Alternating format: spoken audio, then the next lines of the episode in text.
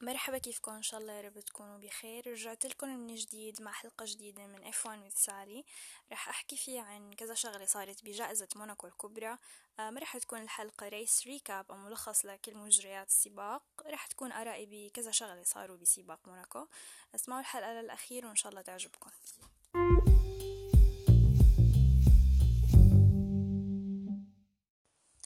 طبعا مثل ما شفنا السباق أصلا ما فيه أحداث زيادة بسبب طبيعة حلبة موناكو. آه، بما إنه عم لاحظ في كتير ناس جديدة بال F1 فرح أذكر سبب ليش طبيعة حلبة موناكو إنه التجاوز عليها صعب. السائق ما عم يقدر يتجاوز حدا أمامه ما صار في تجاوزات كتير إذا لاحظتوا بسباق موناكو. السبب هو إنه حلبة موناكو ضيقة ما في run-off area منعطفاتها بطيئة.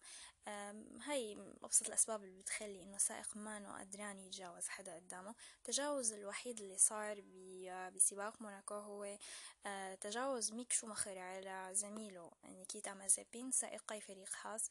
حصل تجاوز عند ال hairpin باللفة الأولى بأول كم ثانية من السباق. آه طبعا سباق موناكو ما صار فيه أحداث مهمة كسباق بس قدم لنا بوديوم مختلف عن كل مرة. كان السبب إنه الاستراتيجي إيمت عم يدخلوا السائق على ال pit إيمت عم يبدلوا إطاراته undercut overcut هي الأشياء اللي عطتنا البوديوم المختلف. أهم سبب طبعا للبوديوم المختلف اللي شفناه اليوم هو اللي صار مع شارل لوكلير كلنا زعلنا على شارل كلنا زعلنا على الشي اللي صار معه وزعلنا من حظه الحلو بموناكو. موقف صعب إنك ما تقدر تسابق ببلدك للمرة المليون أو بحالة شارل لوكلير هو ما بس ما عم يقدر يسابق ببلده هو ما عم يقدر يسابق بحارته أصلا يعني. آه مو بس بلده. للأسف فريق فيراري ما ما قام بفحص السيارة بشكل جيد بعد حادث يوم السبت وللأسف الشديد كمان إنه شارل لوكلير هو اللي اكتشف العطل مو أعضاء الفريق يعني شي بوجع القلب فيراري للأسف. يعني بحط اللوم الأكبر على فيراري. آه، ما بننكر إنه آه، شارل لوكلير حدا مثل خبرة لوكلير. آه، المفروض ما يعمل هذا الحادث بنهاية ال Q3 يوم السبت بس الأخطاء بتحدث يعني أبطال العالم ممكن ترتكب الخطأ اللي ارتكبه لوكلير. طبعا كلنا بنتمنى نشوف شارل لوكلير شي يوم عم بيفوز بموناكو ببدلة فيراري كان له فرصة كبيرة بس شاءت الظروف السيئة وفريق الفراري إنه يحرموه من هاي اللحظة.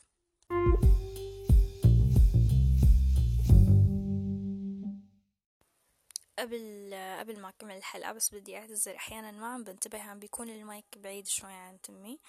أه بدي أعتذر من كون أنا لساني مثل ما بتعرفوا شوي مبتدئة. آه بنجي على نتيجة السباق ككل البوديوم اللي شفناه. أنا مبارح كنت كتير كتير طايرة من الفرحة لأنه هذا ثالث بوديوم للاندو نوريس. لاندو نوريس آه أول سائق أنا شجعته. حاليا هو أكتر سائق أنا بحبه. فبالنسبة إلي كنت جدا مبسوطة. آه، مبسوطة كمان لساينز أول بوديوم إله مع فيراري. آه، رغم إنه هاد يعتبر أول season لسانا بأول season حتى عم يتعود المفروض حاليا بمرحلة اعتياد على السيارة ساينز. بس عم بيقوم بعمل رائع كموسم أول مع فيراري. عم يشتغل على حاله منيح كسائق وكرياضي. شفنا كلياتنا اللقاء الصحفي بعد السباق مباشرة. الصحفي عم بيقوله لساينز إنه إنه ما عم شوفك حتى عرقان. آه فساينز رد عليه إنه أنا لأني أنا كتير عم بتمرن كتير عم بشتغل على حالي جسديا. عم عم بلعب رياضة منيح. مثل ما بتعرفوا الشخص الرياضي أو الإنسان لما يبني شوية عضل بخف الجهد اللي بيبذله لما يقوم بمهمة معينة.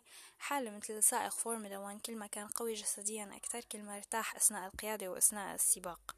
وهذا الشيء جدا جدا مهم.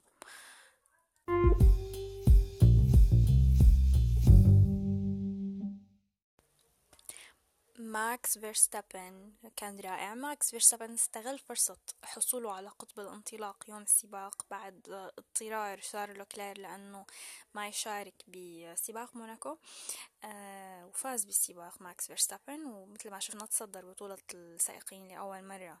كان big day لماكس. وكان big day أكتر لفريق ريد بول اللي تصدروا بطولة الصانعين بفارق نقطة واحدة بس عن مرسيدس. المنافسة صارت حماسية جدا. طبعا مثل ما بتعرفوا أنا للأسف ماني متابعة قديمة للفورمولا 1 يا ريتني كنت أتفرج على فورمولا 1 من زمان. بس هذا أول موسم أنا عم حس فيه تنافس وعم حسه حماسي. تابعت بوقت كانت هاملتون ومرسيدس هي المسيطرة على بطولة الصانعين وبطولة السائقين. مبسوطة. إن شاء الله تستمر المنافسة لآخر الموسم. أنا كتير بتمنى. بنرجع لماكس. بشوف إنه صار الوقت إنه ماكس يفوز ببطولة السائقين مع ريد بول ريد بول فريق ريد بول اشتغل منيح لحتى يقدم له سيارة تمكنه من الحصول على لقب بطولة العالم للفورمولا 1 كلنا بنعرف شقد سائق مثل بموهبة ماكس فيرستابن بيستاهل يكون بطل عالم من زمان أصلا كنا عم نستنى لحظة إنه يكون بطل عالم آه إن شاء الله كلياتنا بنتمنى ألفين واحد وعشرين يكون موسم آه بطولة العالم لماكس فيرستابن. وشخصيا بتمنى حتى فريق ريد بول ياخد بطولة الصانعين بيستاهلوا.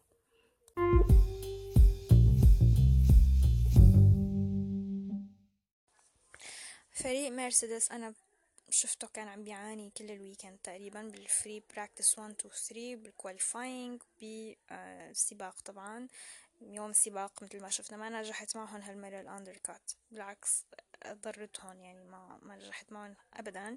سمعنا راديو غاضب من هاملتون طبعا ما كان ما كان معصب على حدا بالفريق أكيد. هيك تصرف ما بيطلع من هاملتون بس عصب لأن كان حاطط بباله إنه استراتيجية معينة هدف معين نتيجة معينة صار عكس المتوقع ضل مكانه ما تقدم أبدا ولا مركز. كون إنه جاسلي أمامه فورا فات بعد هاملتون بدل إطاراته وطلع قبله نفس الشي صار مع فيتل.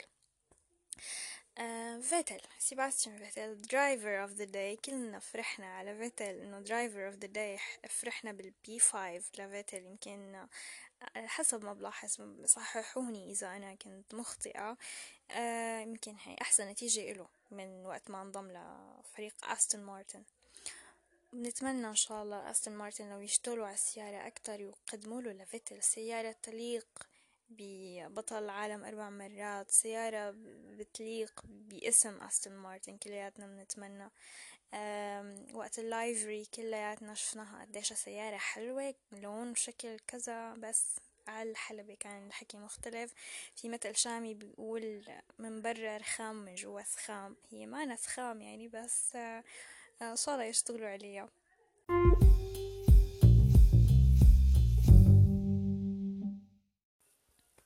تقريبا هذا كل شي كنت حابة أحكي لكم إياه عن جائزة موناكو الكبرى. بتمنى تكونوا حبيتوا الحلقة.